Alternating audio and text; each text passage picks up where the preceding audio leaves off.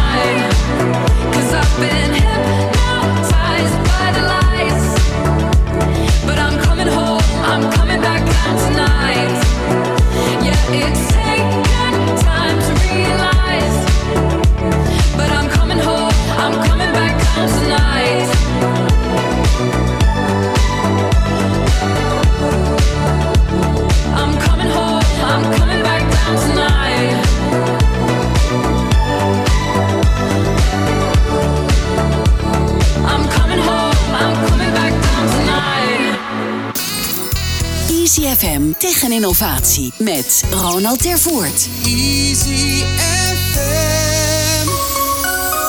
Welkom, dit is Easy FM Tech en Innovatie, de wekelijkse talkshow over ondernemen op het snijvlak van technologie en innovatie. Ik ben Ronald Tervoort en elke week spreek ik hierover met twee gasten uit de regio. Denk aan start-ups, scale-ups tot de grotere bedrijven en instellingen. Wat drijft hen? Welke lessen hebben zij als ondernemer geleerd? Hoe proberen ze te innoveren? De impact van technologie daarbij en natuurlijk worden de nodige praktische tips gedeeld. Vandaag te gast in de ICFM studio in het WTC Media Center Almere. Laura Meijering, oprichter en creatief directeur van Unrevelo. Over het upcyclen van kleding, de rol van de fashionindustrie als het gaat om een beter klimaat en de noodzaak van educatie. En Freek Kalsbeek, oprichter en CEO van Brand Sentry. Over het managen van retailprocessen op de winkelvloer, het pivoten als start-up en de opkomst van de slimme supermarkt. Dames en heren, welkom in de studio. Goedenavond. Bedankt.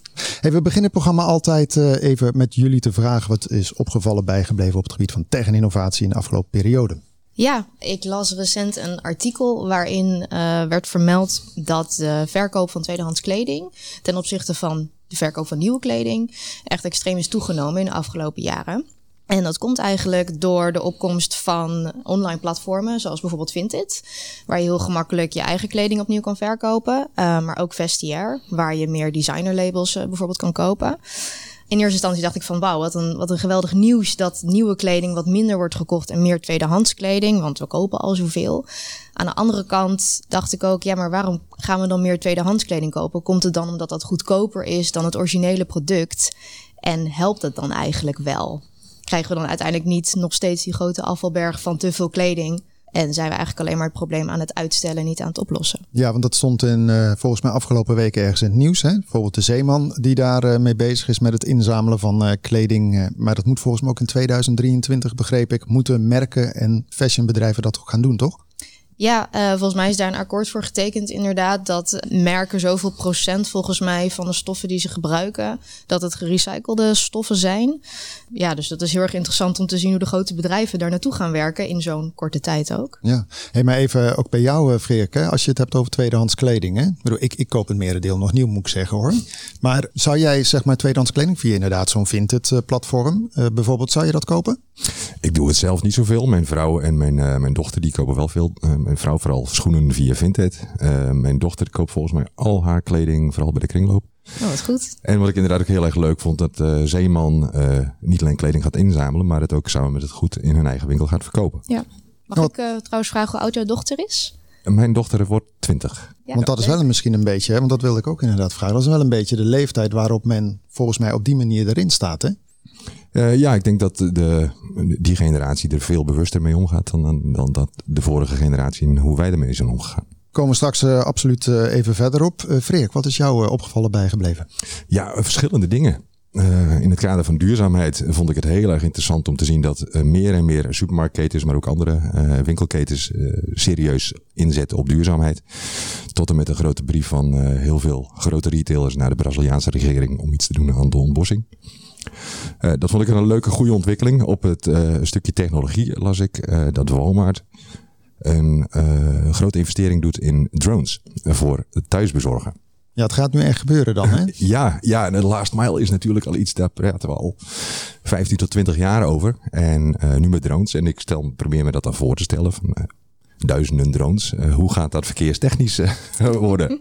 Ja, want in Nederland mag helemaal niks. gelden daarvoor. Ja, want als jij hier een drone omhoog wil laten gaan in de WTC-area of ergens in Amsterdam, het is gewoon niet te doen.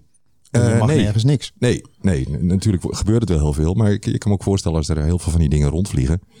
Ja, wat voor verkeersregels gelden daarvoor? Uh, gaat links ook, uh, moet hij wachten? Uh, ze mogen daar over mensen en over verkeer vliegen.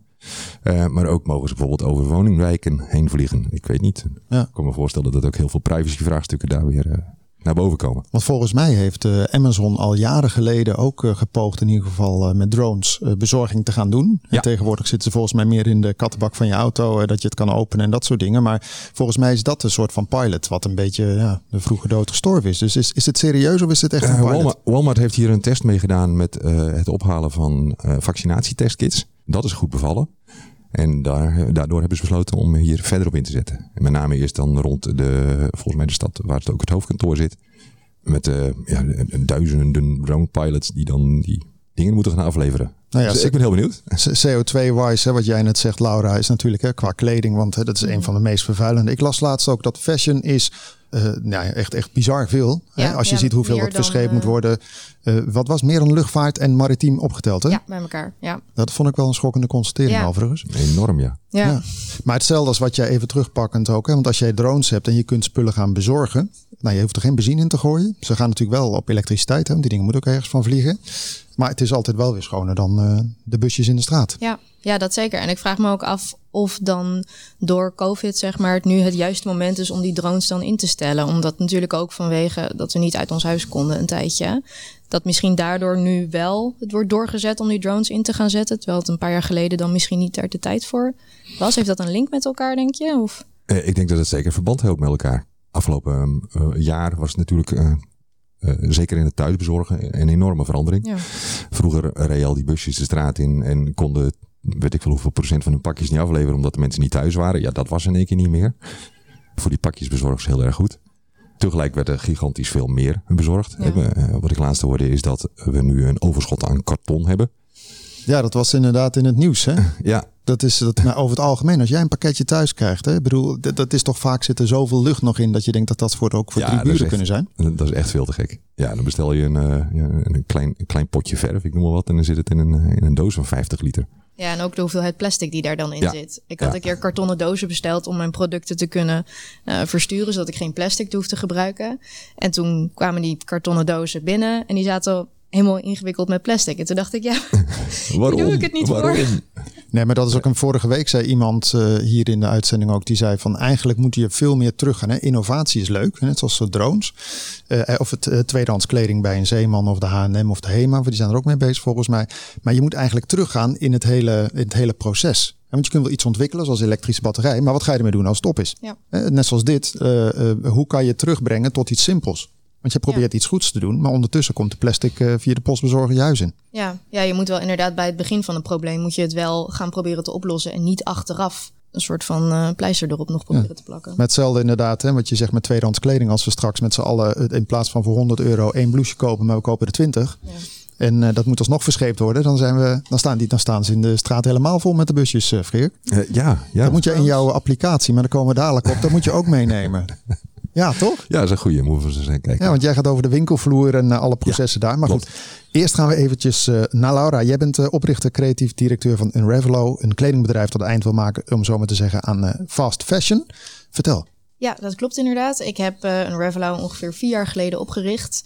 Ik deed eerst een studie mode.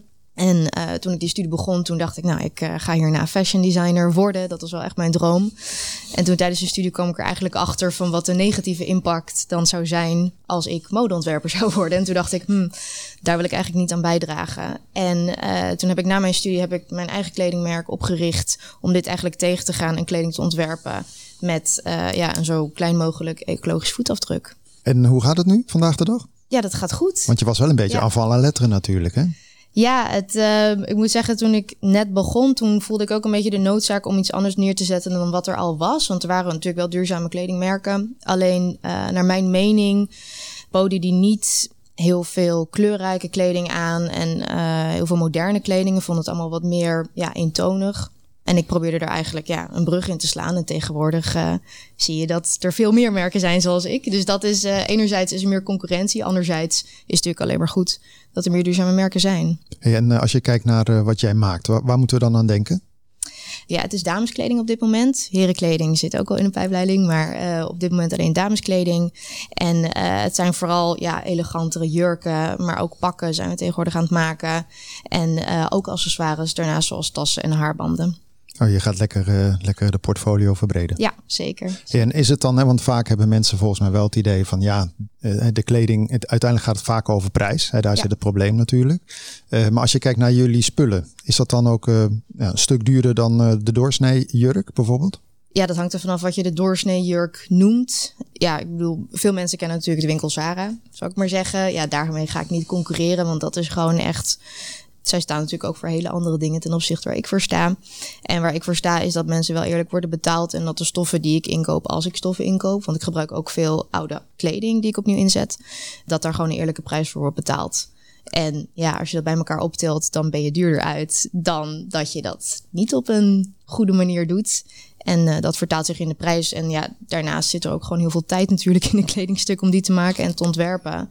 En we ja, ontwerpen eigenlijk alleen wat als het echt nodig is. En het moet ook echt wel functioneel zijn. Dus je doet het alleen maar op eh, verzoek. Ja, tegenwoordig eigenlijk wel. Het is heel veel op opdrachtbasis. En dat is heel fijn, want dan heb je direct contact met de klant. En die kan dan ook, heeft dan ook zelf inspraak in het hele proces. En dan weet je ook dat ze het op de lange termijn echt lief hebben en heel lang nog gaan dragen. Ja, want dan zit jij natuurlijk ook weer eh, in je voorraadkast met een hoop Ja. spulletjes die je dan toch niet, eh, net niet past. Ja. je moet even wachten, Freek. Hè. Mannenkleding komt eraan nog. Nee, maar als je dat heel erg dus één op één eigenlijk gaat maken, dat, dat, daar begint het dan eigenlijk ook al Ja. mee. Hè? Gewoon meteen vanaf het begin geen waste hebben. Ja, ja, inderdaad. En dat is ehm, eigenlijk het grootste probleem wat ik op dit moment probeer op te lossen, is inderdaad de hoeveelheid afval die wordt geproduceerd door de mode-industrie. En dat doe ik enerzijds door de afval die we dus al hebben, alle kleding die wordt weggegooid, opnieuw in te zetten. Anderzijds om eh, materialen te gebruiken die biologisch afbreekbaar zijn. Dus als het nou ja, uiteindelijk wordt weggegooid, dat het eigenlijk in de grond kan trekken zonder dat er negatieve gevolgen zijn. En tijdens het productieproces van mijn kleding zorg ik ervoor dat het op een bepaalde manier wordt geknipt, zodat er geen reststofjes eigenlijk overblijven. En alles wat wel overblijft, dat sparen we op en dat zetten we weer opnieuw in. En als we iets maken, dan is het eigenlijk alleen maar made to order. Uh, dus pas op het moment dat een klant besluit, ik wil dit, dan pas gaan we maken. Ja, want inderdaad, even terug naar dat eerste. Hè, want uh, de stoffen die jij gebruikt. Je zegt net eerder van, we krijgen ze, maar we kopen ze ook af en toe in. Ja. Eventjes over het eerste, want jullie zitten volgens mij dicht bij het Cycle Center hier in Almere. Hè? Ja, we zitten bij het Upcycle Center ja, daarvoor. Maar dan krijg je dus eigenlijk, ja, kan je kiezen uit alle containers die er zijn, neem ik aan? Ja, ja, bij het Upcycle Centrum uh, kan je meerdere spullen eigenlijk inleveren die je als inwoner niet meer wilt. Van je koelkast tot aan je matras en ook kleding. Um, dus er komt van alles binnen, gordijnen tot aan sokken. En ik heb dan als enige exclusief toegang tot die container en mag daar alles uithalen om het een nieuw leven te geven. En waar, waar kijk jij dan naar? Want zo'n container zit vol met van alles. Ja, nou dat ligt eigenlijk aan de opdracht. Um, als de opdracht is voor een klant en die heeft een specifieke wens, nou dan gaan we daar natuurlijk op zoek. Ik heb recent bijvoorbeeld voor een klant een heel mooi pak mogen maken, wat bestond uit allemaal kleine stukjes denim. Dus daarvoor hadden we heel veel jeans nodig. En uh, dus zijn we naar jeans gaan zoeken in de container. Maar ik kan me ook voorstellen dat er vandaag wellicht een hele grote bulk, uh, nou ja, uh, jeansspullen liggen. kijk, en je hebt wellicht niet nu de vraag naar jeans, ja. maar volgende week wel. Ja. Dus als je het dan vandaag niet inneemt, dan doe je ook aan waste eigenlijk. Ja, dat klopt inderdaad. Ja, ik kan ook niet alles wat in die container is, dat kan ik niet allemaal upcyclen, want dat is zoveel. Ja, dat is gigantisch. Het is een zeecontainer vol die eigenlijk iedere maand wordt weggescheept. En nou ja, ik red daar misschien 1% uit. En dat is eigenlijk dan ook de reden waarom ik met educatie me bezig ben gaan houden. Omdat ik dacht van ja, ik kan wel mooie producten hiervan maken, maar als mensen nog steeds blijven weggooien, dan zie ik straks mijn eigen kleding in een container terug. En oh ja, ja dat, dat is nog wat ergste. Hè? Ja, daar, daar, daar, is zeker zo. Komen we straks even op educatie. Maar als je dan kijkt in zo'n container, hè, want je hebt natuurlijk bijvoorbeeld tijdens COVID-tijd uh, zaten in één keer de containers op straat bomvol. Massaal, dat was ook ja. weer niet goed. Ik, Nee. ik heb er ook deels aan meegedaan dat ik dacht, ja, dit kan toch echt weg. Ja, als jij dan in zo'n container bezig gaat, dat is gewoon handwerk. Ja, dat, uh, daar is nog geen systeem voor, helaas. Tenminste, niet bij het upcyclecentrum. Um, dus je moet gewoon zelf lekker uh, met handschoentjes aan in alle zakken gaan kijken wat er is. En in het begin dacht ik, nou, uh, dat zal wel niet heel fris zijn. Maar dat is het voordeel van het upcyclecentrum. Er komt alleen maar textiel in de textielcontainer. Ten opzichte van als je gewoon containers hebt op de straat, daar kunnen mensen ook hun uh, zakje friet met mayo ingooien. En dat is bij ons niet het geval. Dus wat erin zit, dat is ook schoon.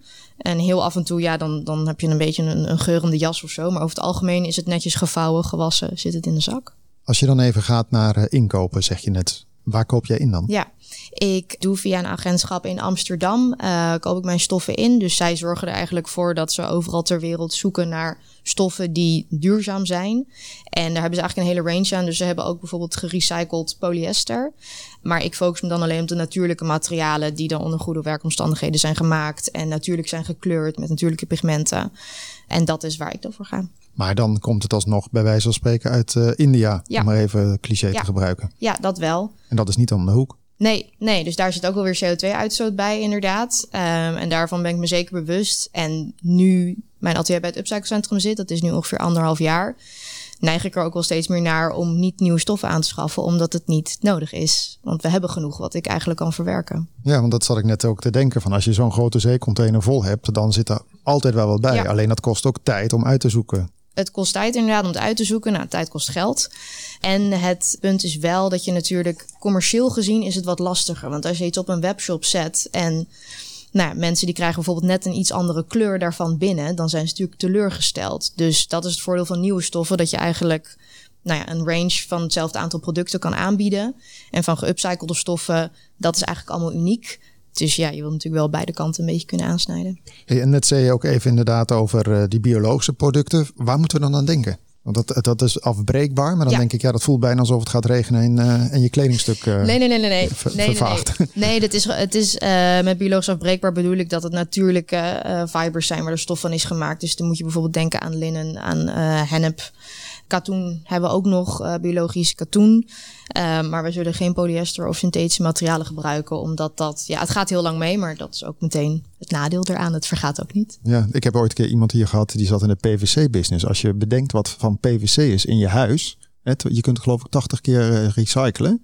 Het is fantastisch materiaal, maar goed, we moeten het niet gaan aanvragen, want dan komt er nog meer de, aardbol Ja. op. Maar het is wel reusable eh, Ja. voor lange tijd.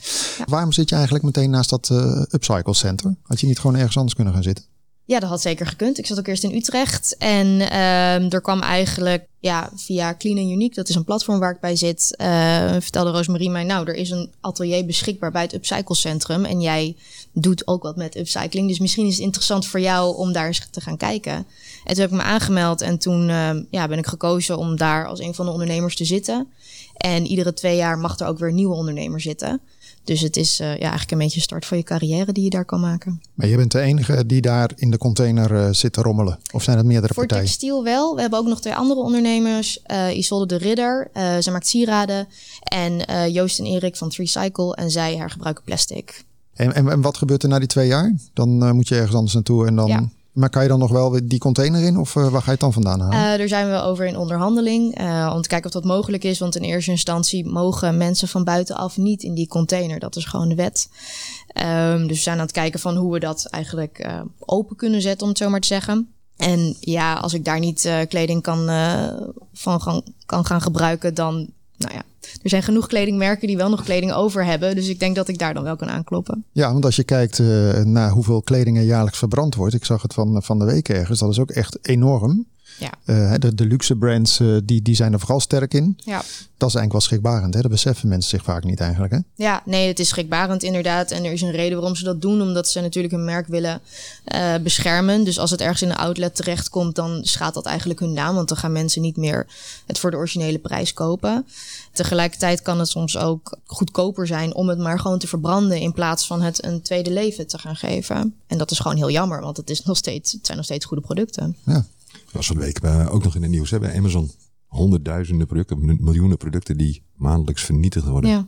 ja. En, en de reden had je die, want die, die reden die, die kende ik nog niet. Eh, nee, ik, ja, eh, ik heb me er niet heel erg in Ja, verdiept. het- Maar wat ik nog weet van de, het ging vooral over retouren. Ja. Ja, retouren is natuurlijk eh, in het hele home shopping eh, echt een issue.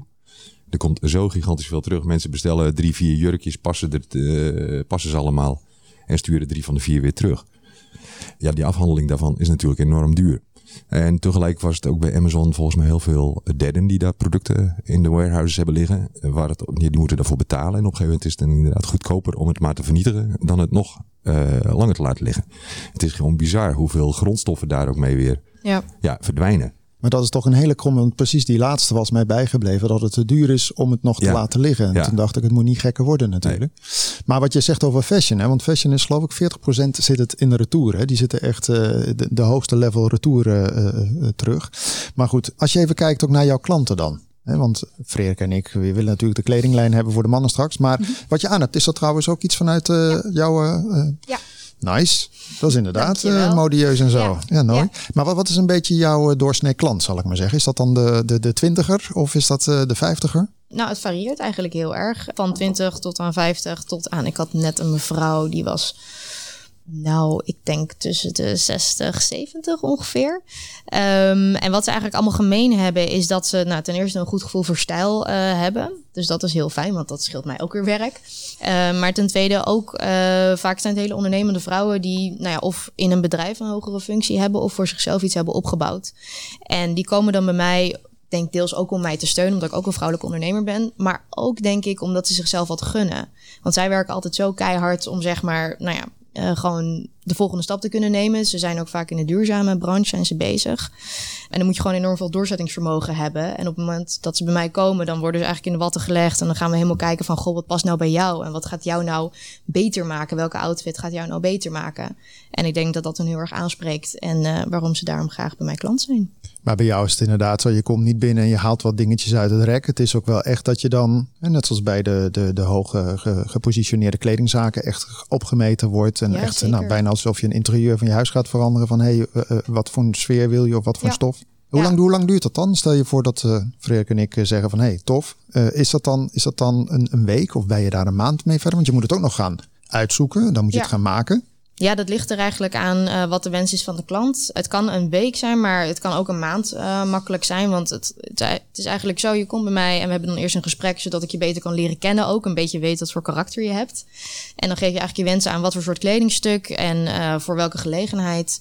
En dan maak ik een schets en als de schets goed wordt gekeurd... dan ga ik je opmeten en dan maken we eerst een hele test outfit... om te zorgen dat alles gewoon perfect zit. En daarna gaan we pas in de echte stof maken. En zo kunnen we ervoor zorgen dat jij gewoon de perfecte maten eigenlijk op dat moment draagt. En eh, ja, het helemaal op jouw lichaam zit. En nou ja, misschien wil je nog ergens een zakje erbij of een extra flap of centuur. Korter, langer. Dat kan allemaal. Met hoeveel mensen doe je dit? Ik ben zelf de eigenaar en ik heb een paar assistentes. Op dit moment heb ik er drie. Uh, dus het is een heel gezellig team en dat varieert uh, zo nu en dan. En is dat uh, economisch rendabel, om het zo maar even te zeggen? Het wordt steeds meer economisch uh, rendabel. Ja, het was eerst wel een tijdje um, ja, eigenlijk meer namaken. Dus ook veel shows geven en zorgen dat mensen je een beetje kennen. En eigenlijk op dit moment uh, gaat het best wel goed. Dus, Mooi. Uh, maar heb je ook, krijg je ook subsidies? Want ik kan me ook voorstellen dat, dat men zegt van je gaat iets nieuws doen. Hè? Het is toch een nieuwe tak van sport. Dat je ook geholpen wordt op die manier vanuit de overheid of zo? Nee, ja, ik word, ik word door de gemeente, word je wel zeg maar uh, gesponsord op het moment dat je het in het Upcycle Centrum atelier hebt. Uh, dus je krijgt daar een soort van sponsoring uh, van, maar voor de rest um, zorgen we gewoon zelf dat we het uh, kunnen maken. Heb jij wel eens uh, met uh, gewoon grotere merken gesproken hè, die offline presence hebben, zoals dat zo mooi heet, in de winkelstraten of iets anders? Gewoon, want, hè, want nu moeten mensen het horen hier of het zien op tv of hè, bij een catwalk.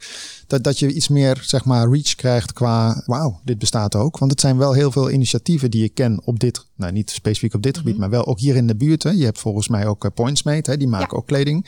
Maar het zijn allemaal hele relatief kleinere ja. dingen. En dan denk ik, ja, of je moet samen gaan of je moet je ergens aan ophangen. Hoe, hoe zit jij daarin?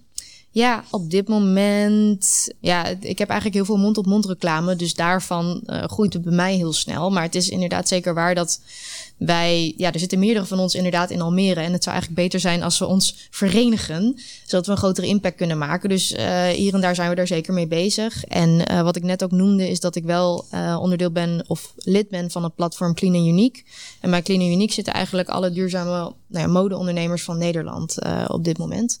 Um, en daar worden ook bijeenkomsten georganiseerd en uh, hebben een groepsapp waarin als iemand een vraag heeft, kun je dat meteen beantwoorden. Oké, hoeveel mensen zijn dat ongeveer dan?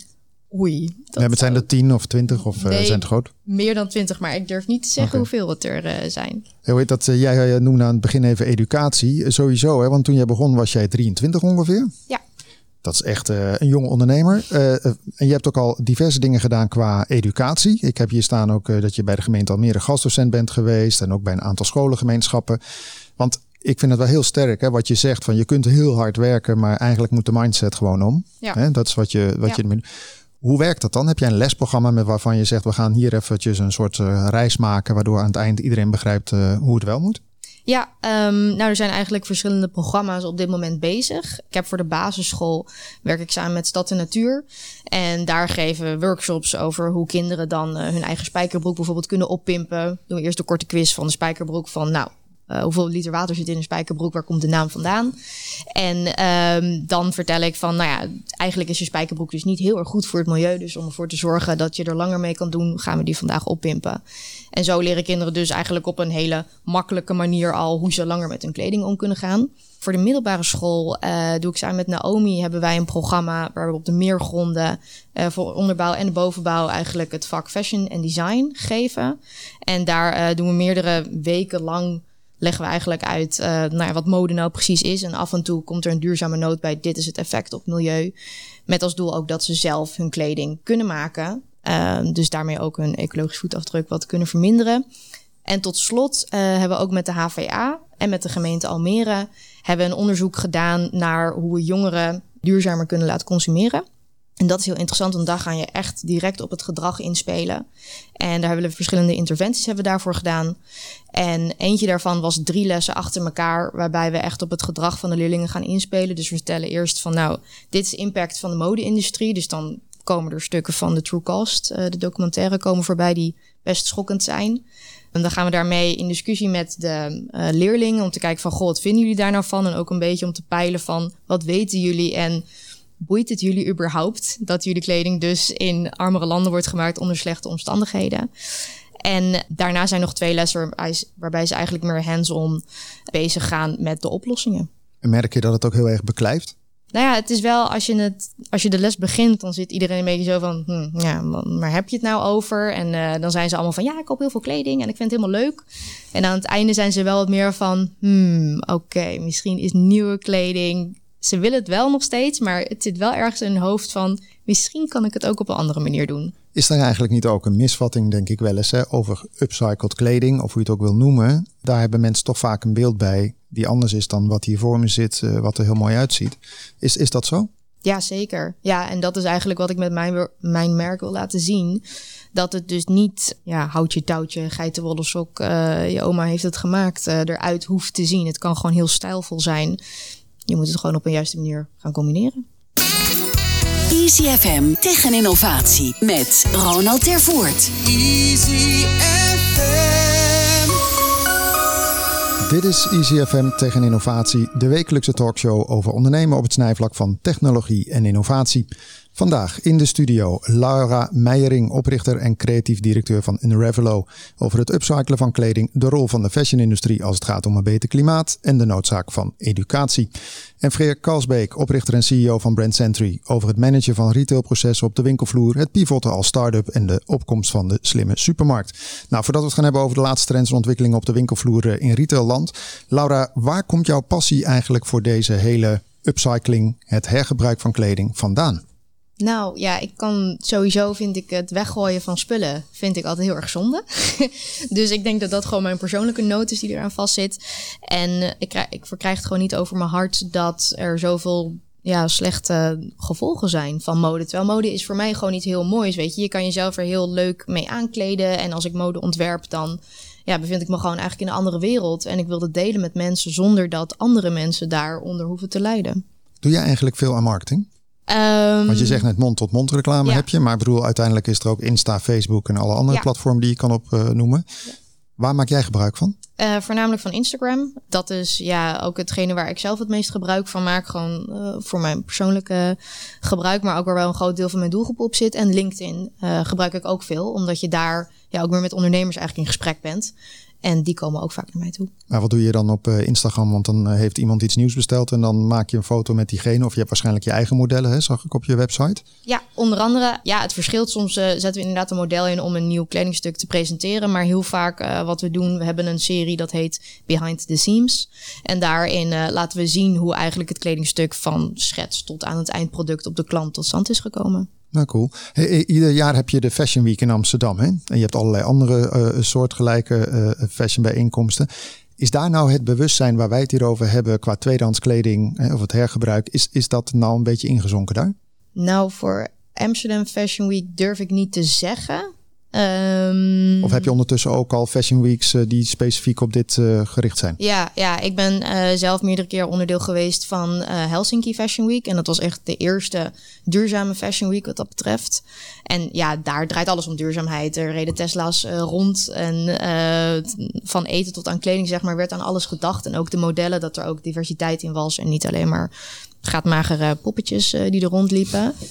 Dus daar leef je wel echt in een bubbel. En ja, ik zit even te denken, je hebt bijvoorbeeld Fashion for Good, die uh, focussen zich ook heel erg op duurzaamheid. En als die evenementen hebben of shows, dan merk je daar ook wel dat iedereen daar over duurzaamheid heeft. En dan heb je ook vertrouwen in dat het ook een verandering uiteindelijk kan maken. Ja, want dat lijkt me wel belangrijk, dat je het gevoel hebt dat je iets in beweging zet. Zeker. Hey, is ja. COVID nou een uh, pluspunt? Ja en nee. Want aan de ene kant nou, gingen mensen dus massaal hun huis opruimen en gingen ze ineens alles weggooien. Ik zeg niet dat je niks moet weggooien. Je moet natuurlijk ook wel bewust leven en niet zo heel veel spullen hebben. Maar, maar ja. zijn er meer, is er meer vraag? Heb je, zie jij de vraag toenemen? Of uh, misschien kalft het nu weer af. Hè? Nu het weer beter gaat, gaat iedereen. Uh, bedoel, uh, iedereen rent weer naar de winkel. Ja. Daar kunnen we wat van vinden of niet, maar het gebeurt wel. Nou ja, omdat mensen nu weer wel langs kunnen komen, dat is wel het voordeel voor mij. Dan kan ik ook nou, hun opmeten en gewoon een persoonlijk gesprek met hen hebben. Terwijl dat moest eerst natuurlijk online.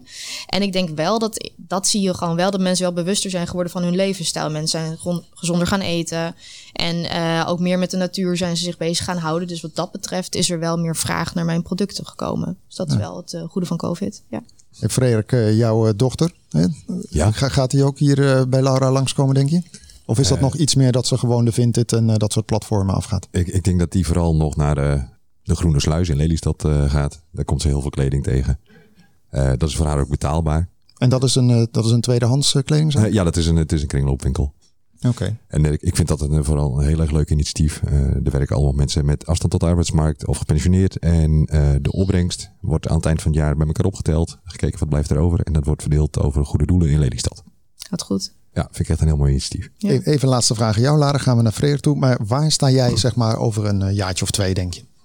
over een jaartje of twee, dan uh, hoop ik dat ik nog steeds in Almere ben gevestigd. Want ik moet natuurlijk weg uit het Upcycle Centrum. Zoals iemand een atelier heeft. Uh, nou, ik hou me aanbevolen. En uh, dan hoop ik ook in wat meer winkels in Almere te koop te zijn. Want op dit moment zijn we alleen online nog zichtbaar. En ik hoop dan wel ergens in de binnenstad een boutiqueje te hebben. Of bij iemand anders mijn producten kunnen verkopen. Oké, en die gesprekken lopen ook al wel? Of daar je aan het kijken? Daar ben ik naar aan het kijken, ja. Hey Freek, zoals ik net al even zei, jij bent oprichter CEO van Brand Senti, maar in ieder geval vooral, je zit in het retaillandschap en dan vooral, je bent, zoals ik het even omschrijf, een one-stop shop voor retail en dan specifiek voor supermarkten. Of een one-stop shop zijn, weet ik niet, wel voor één specifiek onderwerp. Oké, okay. maar kan je dat even concreet maken? Wat doet Brand Sentry? Wat Brand Sentry doet, is wij helpen winkels, maar ook vooral ook winkelketens, om de kwaliteit van die winkel omhoog te brengen. onze stelling is, want een winkel waar alles klopt, presteert op alle vlakken beter. Wij helpen winkels om te zorgen dat alles klopt. En dat begint heel vaak met uh, het organiseren van werk. De reguliere werkzaamheden. Als die op je juiste moment worden gedaan door de juiste mensen. Dan uh, gaat die kwaliteit van die winkel omhoog. En dat zie je op heel veel vlakken terug. Op uh, derving, op omzet, op loonsom. Uh, noem ze allemaal op, allemaal technisch. En dan hebben we het vooral hè, over, hè, want retail is ook weer zo'n groot begrip. Ja. Maar jij zit vooral met jouw klanten in de, ja, eigenlijk in de supermarktenbusiness, noem ik het dan maar even. Of in ieder geval. Ja, we, we zitten vooral inderdaad in supermarkten. We zijn recent ook in een tuincentrum begonnen. Tuincentrum Keten. Maar het past eigenlijk in, in elke retailketen. Het gaat ook over een stukje borgen van, van een formule. We hadden het straks ook al over. En een formule die heeft een bepaald gezicht. En dat willen ze laten zien. En dat willen ze ook borgen dat dat in elke winkel op de juiste manier het uiting komt. Maar stel je voor, ik uh, ben franchisehouder van een Albert Heijn hier. Of ja. van een Jumbo of iets anders. Als ik jullie platform, want dat is het, uh, gebruik. Want je zegt al, het zorgt voor een, nou eigenlijk een soort van smeermiddel tussen alles wat er gebeurt, alle processen. Hoe werkt dat dan? Krijg ik dan een soort van, nou Pietje is weer ziek of daar dat schap moet gevuld worden? Hoe werkt het? Ik weet niet of je ooit in de supermarkt gewerkt hebt. De meeste mensen hebben geen idee wat er allemaal gebeurt. Uh, overal liggen heel veel lijstjes van uh, wat moet er dagelijks worden gedaan. En het is heel belangrijk dat dat georganiseerd wordt. En uh, ja, een hele, een hele lange weg zijn we daar terechtgekomen. Maar eigenlijk digitaliseren we dat hele proces. Zodat je niet meer de winkel in hoeft te lopen van zijn de lijstjes wel afgewerkt. Je kan zien van wanneer is iets, iets afgevinkt. Wie heeft dat gedaan. dus je zit eigenlijk veel dichter op het proces en je kan het veel nauwkeuriger sturen. En wat je zegt net, hè, want het gaat ook over, uh, wat ik op jouw website zag, het gaat ook over verspilling. Ja. Onder andere, ja. behalve ziekteverzuim, dat soort dingen. Wat, wat is dan vaak de trigger voor uh, dit soort uh, partijen om met jullie in, in zee te gaan? De trigger is over het algemeen een betere manier van aansturen van die winkels. En vooral die feedback loop. wat je nu hebt, een, een, winkel die doet zijn ding. En er komt een regiomanager, komt daar eens in de een week, eens in de twee weken, soms eens in de maand langs. En die gaat dan kijken van, hey, wat is het winkelbeeld? Hoe ziet het eruit? En met ons platform krijgen ze eigenlijk een paar extra ogen in de winkel. Ze kunnen dagelijks gewoon uh, een, een taken naar die winkels toesturen. Uh, vragen om foto's, vragen om andere manieren van feedback. Waardoor je als regiomanager er al veel dichter op kan zitten. En ook op het hoofdkantoor veel meer kan zien van wat gebeurt er. Waardoor je ook een, een als je twee, in, naar twee winkels in een keten kijkt, de ene presteert geweldig en de ander doet het niet goed. Daar kan je nu veel dichter bovenop zitten en zorgen dat ook die winkel waar het niet zo lekker loopt, dat je die ook naar een hoger niveau kan tillen. Ja, maar dan kan je inderdaad zien van hoe, hoe er gewerkt wordt, tot hoe snel iets gefixt wordt, uh, tot gevuld wordt, neem ik aan. Is dat een beetje het idee? Ja, we, we, we meten niet. In het begin hebben we geprobeerd uh, om mensen te laten uh, aanmerken van wanneer begin ik ergens mee, wanneer ben ik mee klaar. Want dat zou perfect aansluiten op planning. Maar dat, dat bleek, gevoelig, denk dat ik. bleek niet. Te, nou, het werkte gewoon niet. Uh, je bent ergens aan het vullen. Je weet het zelf. Je, er komt een klant die vraagt waar, waar de nasi-kruiden staan. En ja, dan moet je even meelopen. Ja, dan ga je dan weer merken, nu ben ik even iets anders aan het doen. Nee, dat, uh, dat werkte totaal niet. Wat het belangrijkste eigenlijk is, is van aan het eind van de dag, of eigenlijk gedurende de dag, dat je zien van, hé, hey, is alles wat we hadden moeten doen ook daadwerkelijk gedaan. Maar dat zorgt voor een stuk rust op die winkelvloer. Uh, mensen weten waar ze aan toe zijn. Communiceren wat makkelijker. Je ziet het ook uh, heel erg duidelijk bij verschillende winkels. Je hebt van die winkels, dat loopt gewoon als een zonnetje. Als je in het magazijn komt, dan zie je het al. Als je rondom de winkel kijkt, dan zie je het al. En je hebt andere winkels, daar is hectiek. En uh, daar lopen ze continu achter de feiten aan. En deze, de- deze tool, hè, oplossing, die zorgt eigenlijk ervoor dat dat soort dingen allemaal gewoon op elkaar afgestemd zijn. En soort Eh, ja. radartjes. Ja, en natuurlijk is nog steeds heel veel werk vanuit ook een, een filiaalmanager of een, eh, een, een franchise-nemer. Om ook te zorgen dat die die tool ook echt gaat gebruiken. Het gebeurt niet vanzelf. Jij zei net even ook hè, dat je eh, in een tuincentrum eh, ook eh, bezig bent. Ja. Ehm, wa- want volgens mij heb jij heel lang in, in dat supermarktstuk retail gezeten. Ja. Sowieso eerst even allereerst dat retailstuk. Hoe kom je daar nou weer in? Ja, sinds 2003 of zoiets. Ja, ik ben destijds was ik, ik had wat bedrijven eh, gehad en ik was weer freelance beschikbaar. En zo ben ik destijds bij Albert Heijn terechtgekomen voor de, wat nu zelfscannen is geworden. Toen deden we allemaal pilots. En dat was eigenlijk mijn kennismaking met de supermarkt. En eh, ook daar, omdat het pilots waren, eh, heel veel testen in de winkels en met die winkels zelf bezig zijn. En toen zag jij, er zitten een paar gaatjes in het hele gebeuren. En toen ben jij hiermee begonnen. En ja, dat was pas veel later. Oké. Eh, we wisten wel van we willen meer doen met retail. We hadden inmiddels een, een keer een, een systeem opgeleverd waar we me- medewerkers heel snel met apparatuur konden laten communiceren. Dat wilden we verder uitzetten. En, en daar is uiteindelijk dit bedrijf uitgekomen. Hey, maar dan, dan heb je dit bij de supermarkt heb je dit geïmplementeerd. Hoe, hoe, hoeveel supermarkten gebruiken dit nu eigenlijk? Eh, rond de 100. En, en hoe, dan heb je nog wel behoorlijke dingen te gaan in Nederland. Hoeveel supermarkten zijn er in Nederland? Volgens mij als je alles bij elkaar optelt, 6000. Oké, dus dat is nog een, groot potentieel voor jou. Eh, ja, ja, ja, zeker in Nederland is, is nog enorm potentieel.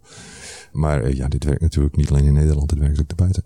Maar daar komen we zo even op. Maar dan ga je naar de tuincentrum. Ja. Eh, eh, Was je in één keer in het tuincentrum, dan dacht je, hier moet ik ook wat gaan doen. Maar ik bedoel, dat is een hele andere doelgroep. Of is dat, eh, een, zit er nog een soort van gelijkenis in dan? Ja, nou, toen ik voor het eerst bij het thuiscentrum eh, kwam, dacht ik van ja, weet je, dat is hetzelfde als een supermarkt. Die verkopen dingen, die moeten dingen op een plek zetten. En naïef als ik was.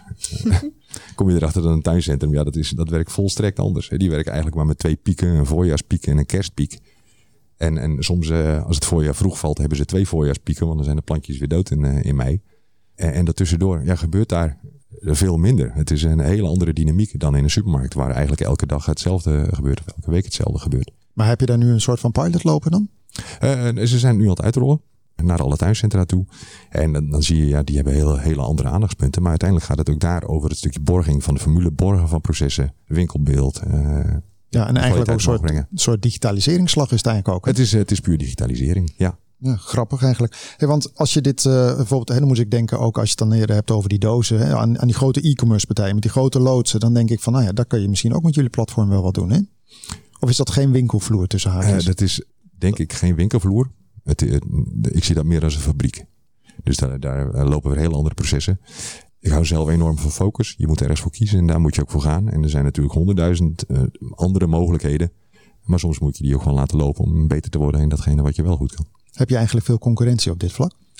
Eh, Nee, voor zover we weten, eh, niet zo gigantisch veel. Er is een, eh, een hele grote Amerikaanse partij, maar die, die zoekt ook vooral ketens met meer dan 500 winkels. Wij kunnen daar ook onder hebben, tot en met de, de losse franchisewinkel. Die kunnen we helpen.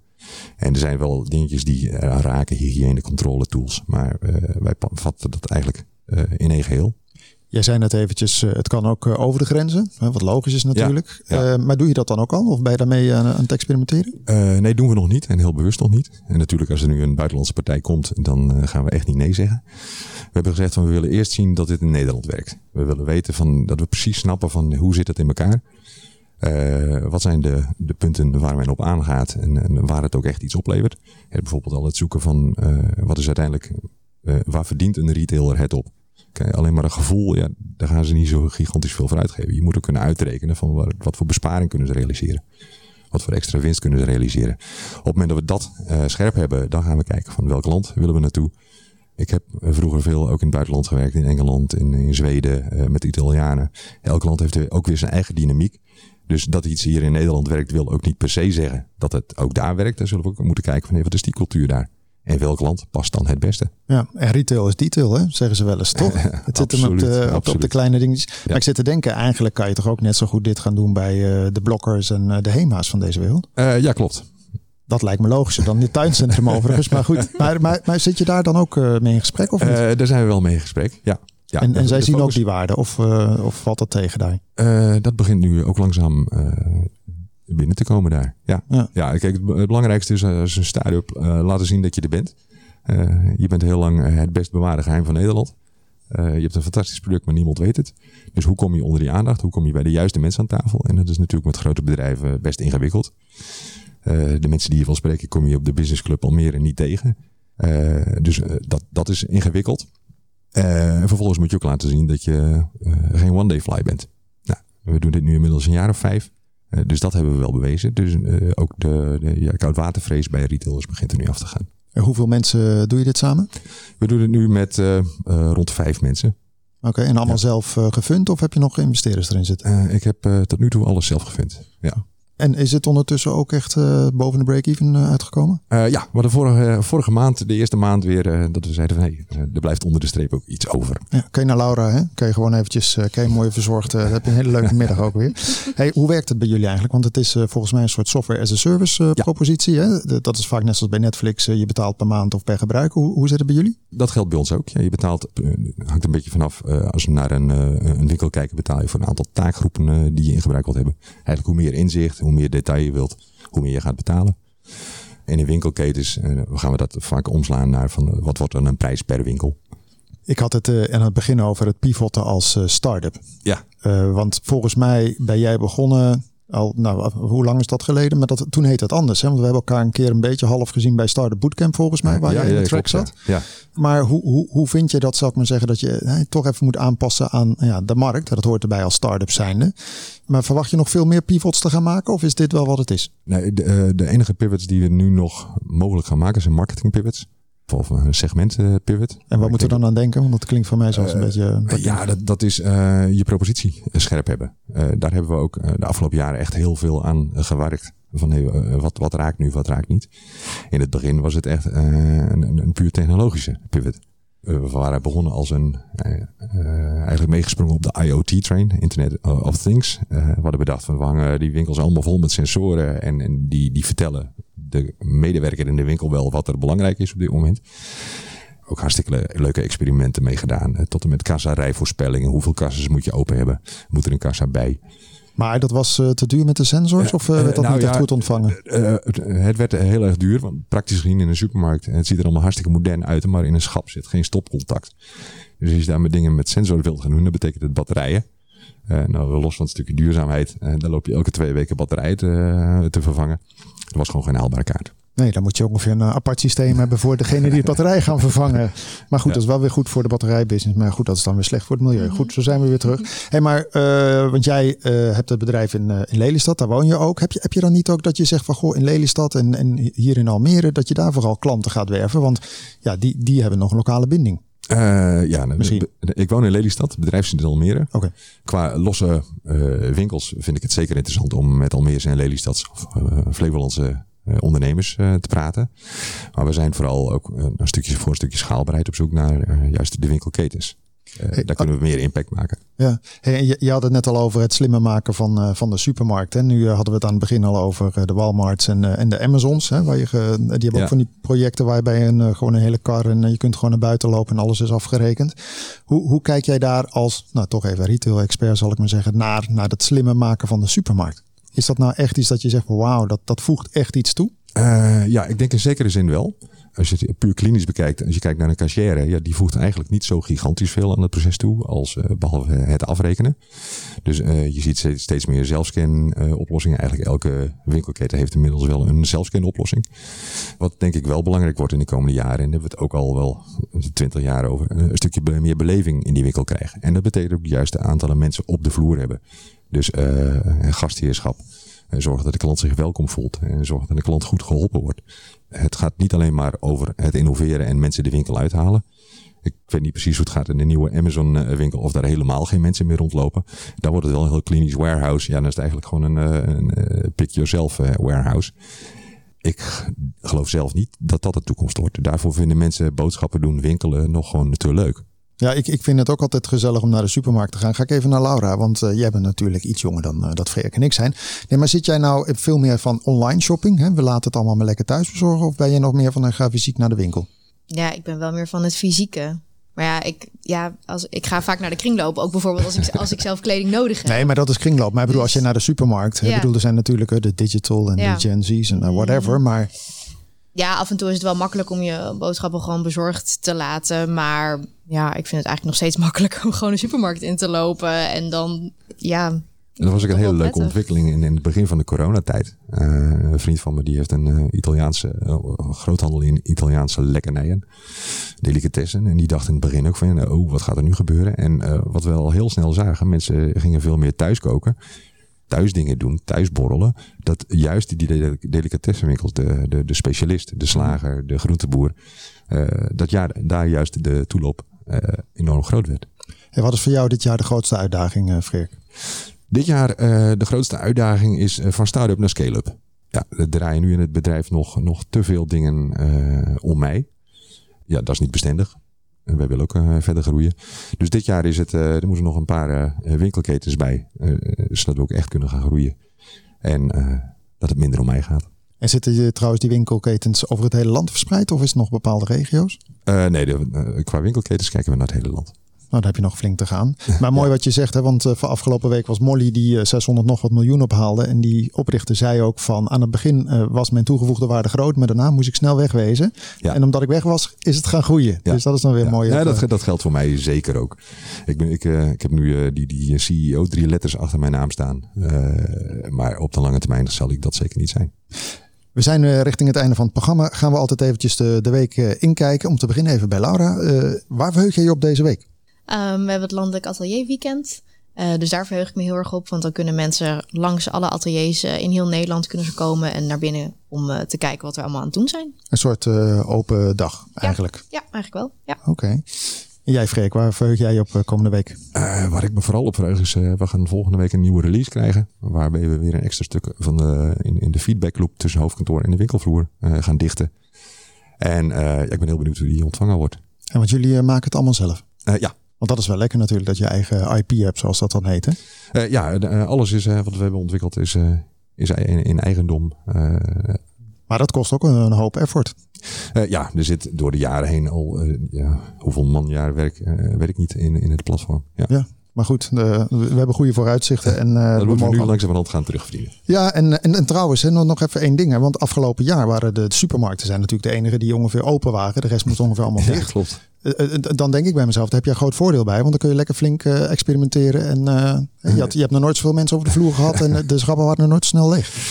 Nee, klopt. Ze hadden het zo druk dat ze geen tijd hadden voor verandering.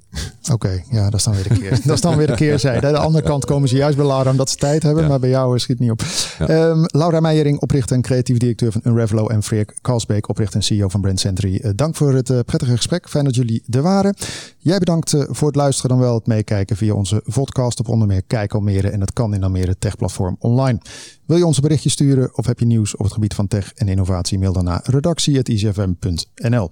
Straks om 10 uur is Rosa Gia met Soul en R&B. Tot die tijd kun je genieten van jouw lekkerste muziekmix op ICFM. Graag tot volgende week. Dime si es verdad. Me dijeron que te estás casando. Tú no sabes lo que estoy sufriendo. Esto te lo tengo que decir. Cuéntame, tu despedida para mí fue dura.